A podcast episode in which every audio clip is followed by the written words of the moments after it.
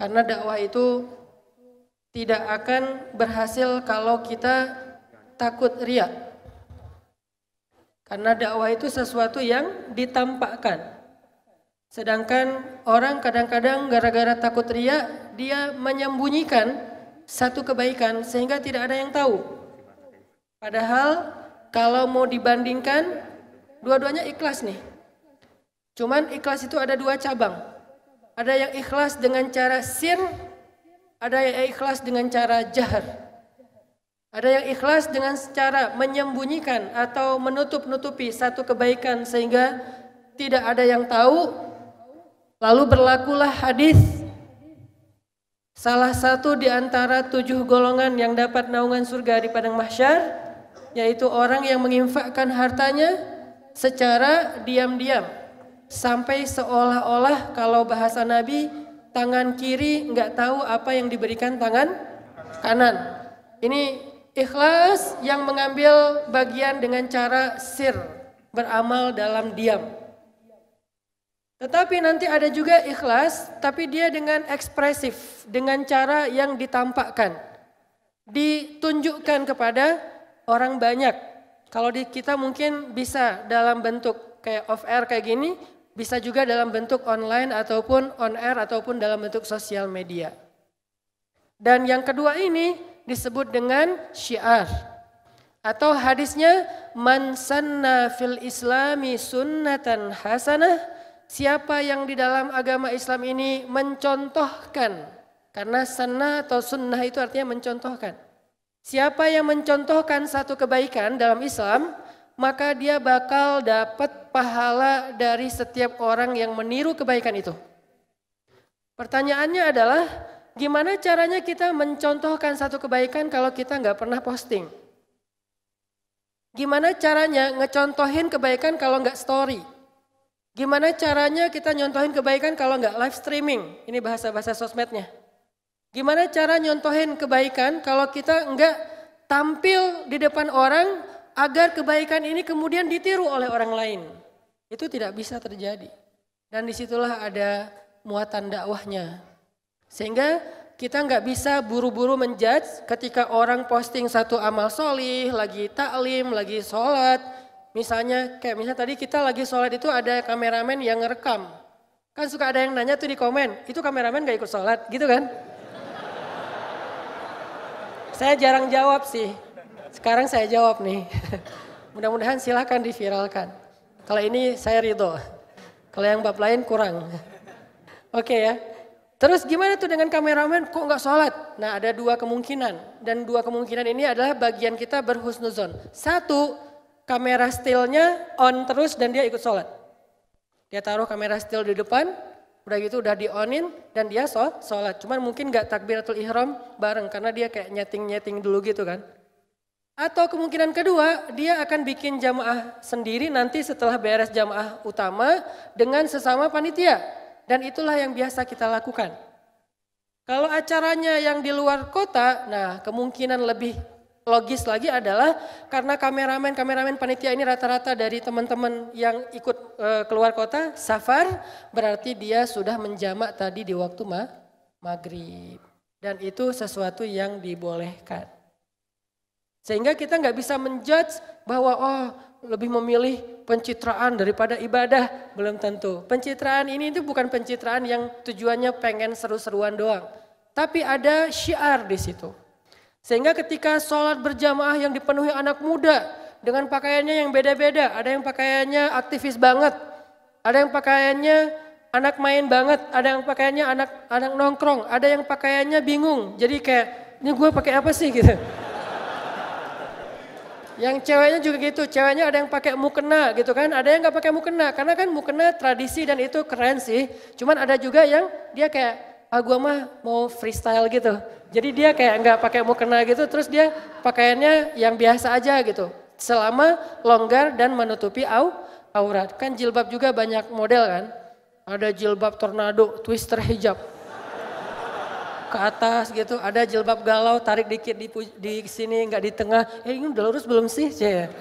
Ada jilbab yang apa kalau kata Ustadz Abdul Somad itu jilbab sakaratul maut. Diikat di sini. Ya bebas lah. Saya kan orangnya punya hashtag no judgment, respect to other kan. Jadi nggak mau ngejudge. Semua ini tergantung uh, menutup aurat dengan baik atau tidak. Intinya adalah itu syiar. Sehingga kayak misalnya saya sekarang kan di pemuda hijrah itu uh, kita punya sebuah konsep dakwah.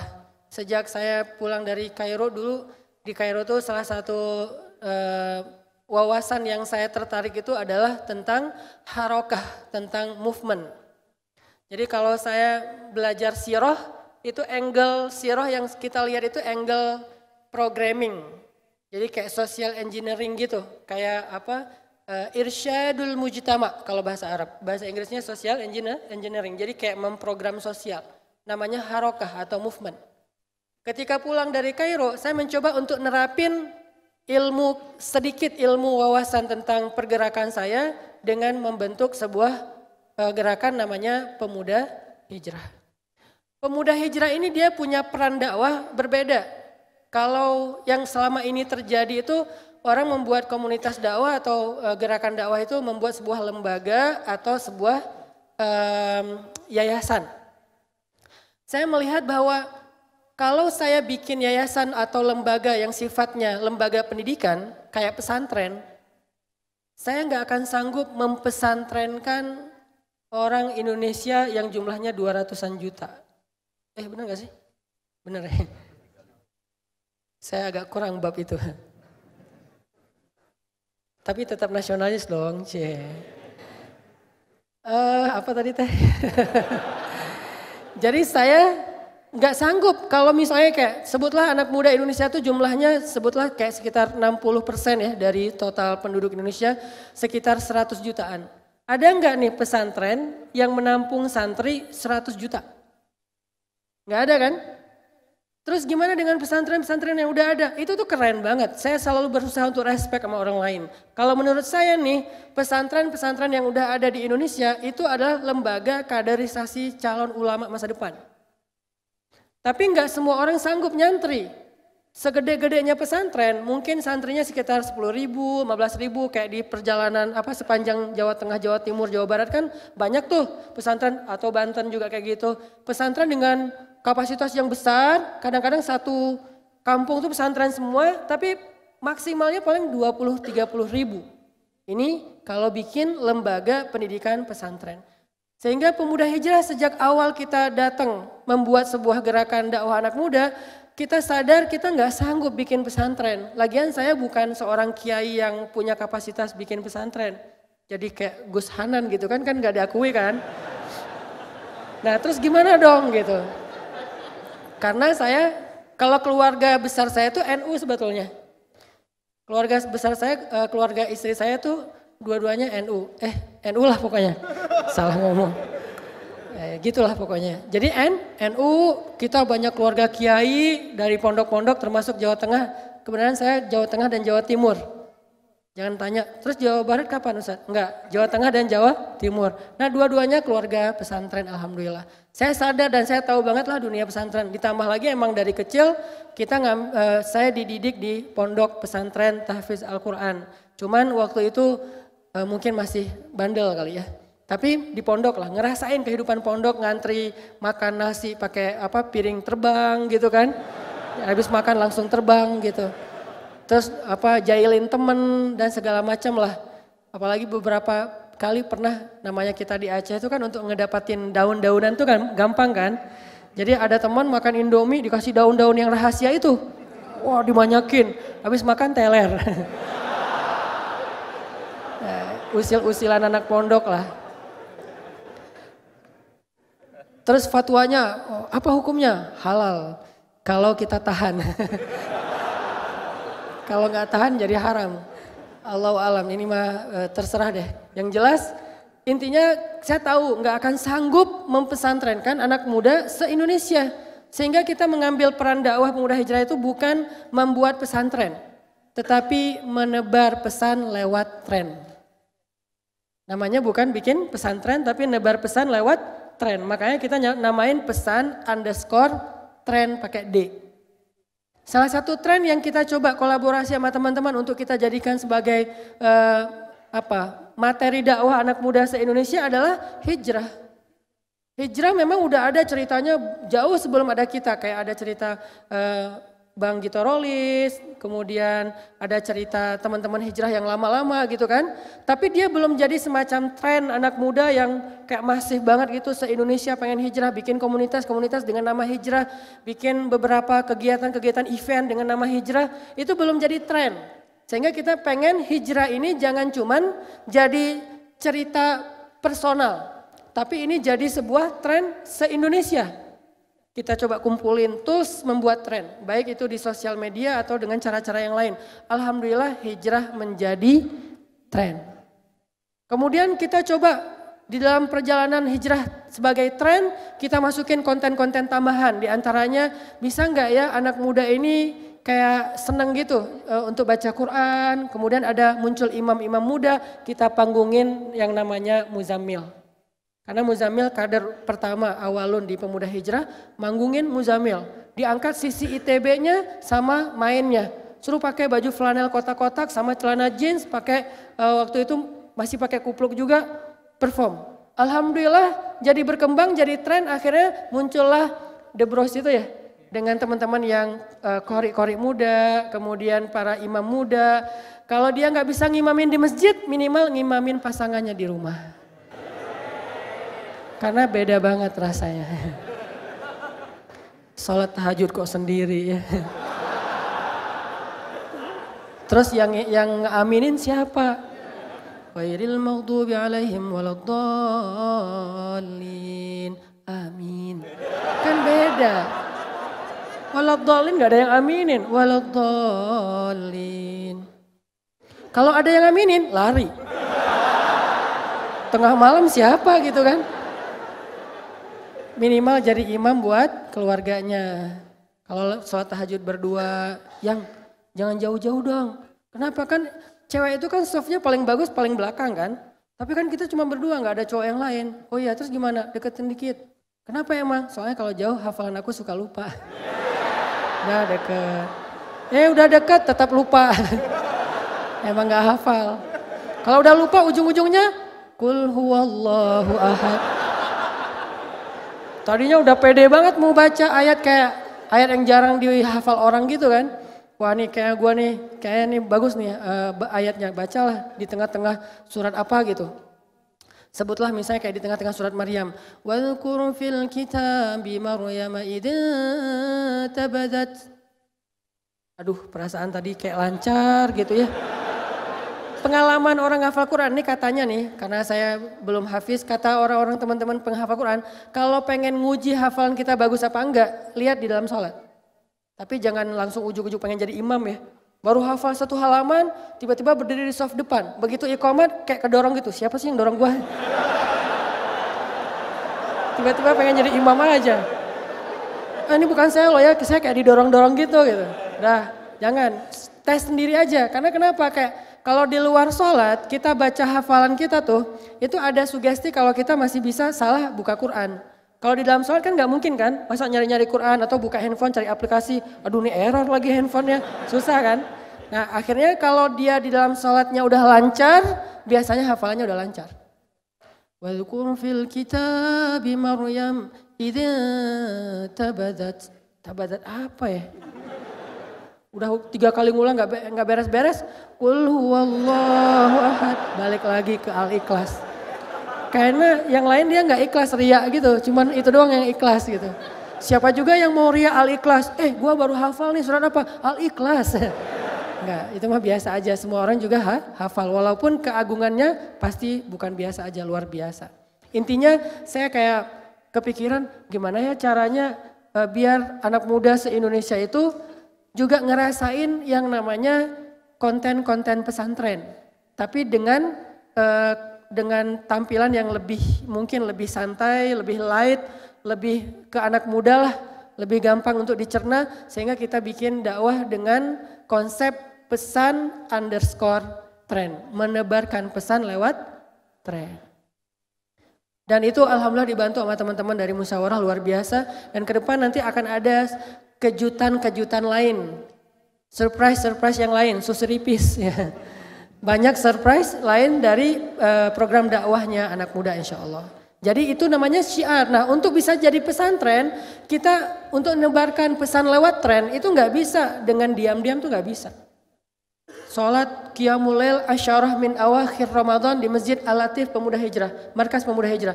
Nggak pakai kamera, nggak akan jadi tren. Akhirnya kita sediain kamera, kita setting se-crowd mungkin, sekolosal mungkin, supaya ini lebih dahsyat daripada berharapnya sih suatu saat bisa ngalahin yang namanya Tomorrowland. Minimal DWP lah. Kalau nggak bisa, Tomorrowland. Maksudnya crowdnya. Maksudnya yang datang tuh tuh yang dulunya nonton konser Coldplay ke Australia, ke Singapura. Sekarang dia kayak, wah nih sama serunya nih. Cuman beda rasanya kalau yang dulu tuh lebih ke fun, entertain. Kalau sekarang lebih kerasa ke hatinya. Ini nih yang kenapa kita bikin saya kadang-kadang nyebutnya dengan bahasa konser itu lebih ke tajdidul mustalahat, pembaharuan istilah. Artinya crowd event. Dan se apa event yang paling dahsyat dan yang paling kolosal adalah sholat berjamaah. Itu event paling kolosal. Kenapa saya bilang kolosal? Walaupun softnya cuma satu, itu tetap event kolosal. Kenapa? Terutama subuh. Inna Qur'an al-fajri karena masyhuda kata Allah. Sesungguhnya bacaan imam di waktu fajar yaitu subuh masyhuda disaksikan, ditonton, di view oleh siapa? Allah dan para malaikat. Jadi itu kayak live streaming gitu. Terus viewernya siapa? Viewernya Allah dan malaikat. Emang ada ayatnya Ustaz? Tadi itu ayatnya. Inna Qur'an al-fajri sesungguhnya performance imam. Kok terjemahannya jadi gitu sih Ustaz? Ini terjemah namanya masal. Arti masal perumpamaan. Saya dulu di, di Mesir kan belajar tafsir. Salah satu kaidah bahasa Al-Quran adalah analogi. Masal. Masaluhum kamathalil ladhi istawqada nara. ألم تر كيف ضرب الله مثلا كلمة طيبة كشجرة طيبة مثل perumpamaan dan Allah kadang-kadang ngambil bahasa perumpamaan itu yang sesuai dengan konteks ayat ketika dia turun. Orang Arab paling common itu kalau dipakai perumpamaan korma, apalagi onta, apalagi gunung Uhud, padang pasir gitu kan. Indonesia dengan konteks anak muda sekarang yang katanya diistilahkan dengan milenial, maka bahasa bahas bahasa bahasa bahasa perumpamaan yang paling gampang difahami oleh kita itu adalah bahasa sosial media. Itu namanya masal, itu bukan ngada-ngada dan insya Allah nggak bid'ah lah. Karena pakai il, ilmu, ada kaidahnya, ada rumusnya. Dan itu disebut dengan lisan kaum, bahasa kaum, bahasa segmen. Kata Allah, Inna Qur'an al-fajri Sesungguhnya performancenya imam membaca Al-Quran ketika dia ngimamin sholat subuh karena masyhuda itu live streaming. Viewernya Allah dan malaikat. Jumlah malaikat lebih daripada 70 ribu malaikat. Berarti itu crowd event yang cukup kolosal. Sehingga kalau kita mau ini jadi tren, sehingga sholat subuh, kemudian juga sholat qiyamul lail dijadikan kayak event yang kadang-kadang sekarang malah bikin event tengah malam juga orang datangnya berbondong-bondong kan kayak pameran buku yang kemarin itu. Cuman kemarin pindah ke Bandung ya. Biasanya kan di Jakarta tuh. Itu kan 24 jam kan. Malah banyak yang datangnya tuh jam 12 malam. Udah atau bahkan dia tahajudnya di event itu dengan cari-cari buku yang harganya uh, miring dan bukunya itu kualitas internasional dan tengah malam aja masih pakai kuota masuk yang lain tutup dulu. Terus yang udah di dalam keluar uh, dibuka lagi saking eventnya tuh kayak apa kayak keren banget lah gitu. Nah sholat kita pengen lebih dari itu sehingga untuk bisa menjadikan sholat sebagai kolosal event kolosal konser yang anak muda itu menghadirinya kayak nonton konser, bahkan ini nggak perlu bayar, tapi kalau konser tuh apalagi kayak konser internasional tuh bayarnya bisa ratusan ribu sampai jutaan, itu tuh harus ada tools menjadikannya sebagai tren. Bahasa Islamnya tren, syiar. Ada nggak ayat tren di Al-Quran? Ada. Salah satu ayat tren di Al-Quran adalah wa ra'aitan nasa yadkhuluna fi dinillahi afwaja dan engkau menyaksikan manusia memasuki agama Islam berbondong-bondong. Jadi trending banget. Semua orang berbondong-bondong di sini artinya per komunitas datang, per kelompok datang, per grup WhatsApp datang, terus juga yang apa uh, influencer-influencernya datang, kemudian selebgram-selebgramnya datang dengan followersnya yang sekian. Ini namanya afwaja. Kalau dalam bahasa Al-Quran. Kalau dalam konteks kita jadi trending banget. Semua orang ngefollow, semua orang ngikutin activity tersebut. Ini termasuk ayat tentang pentingnya tren yang dalam bahasa formal dari dulu itu adalah syiar.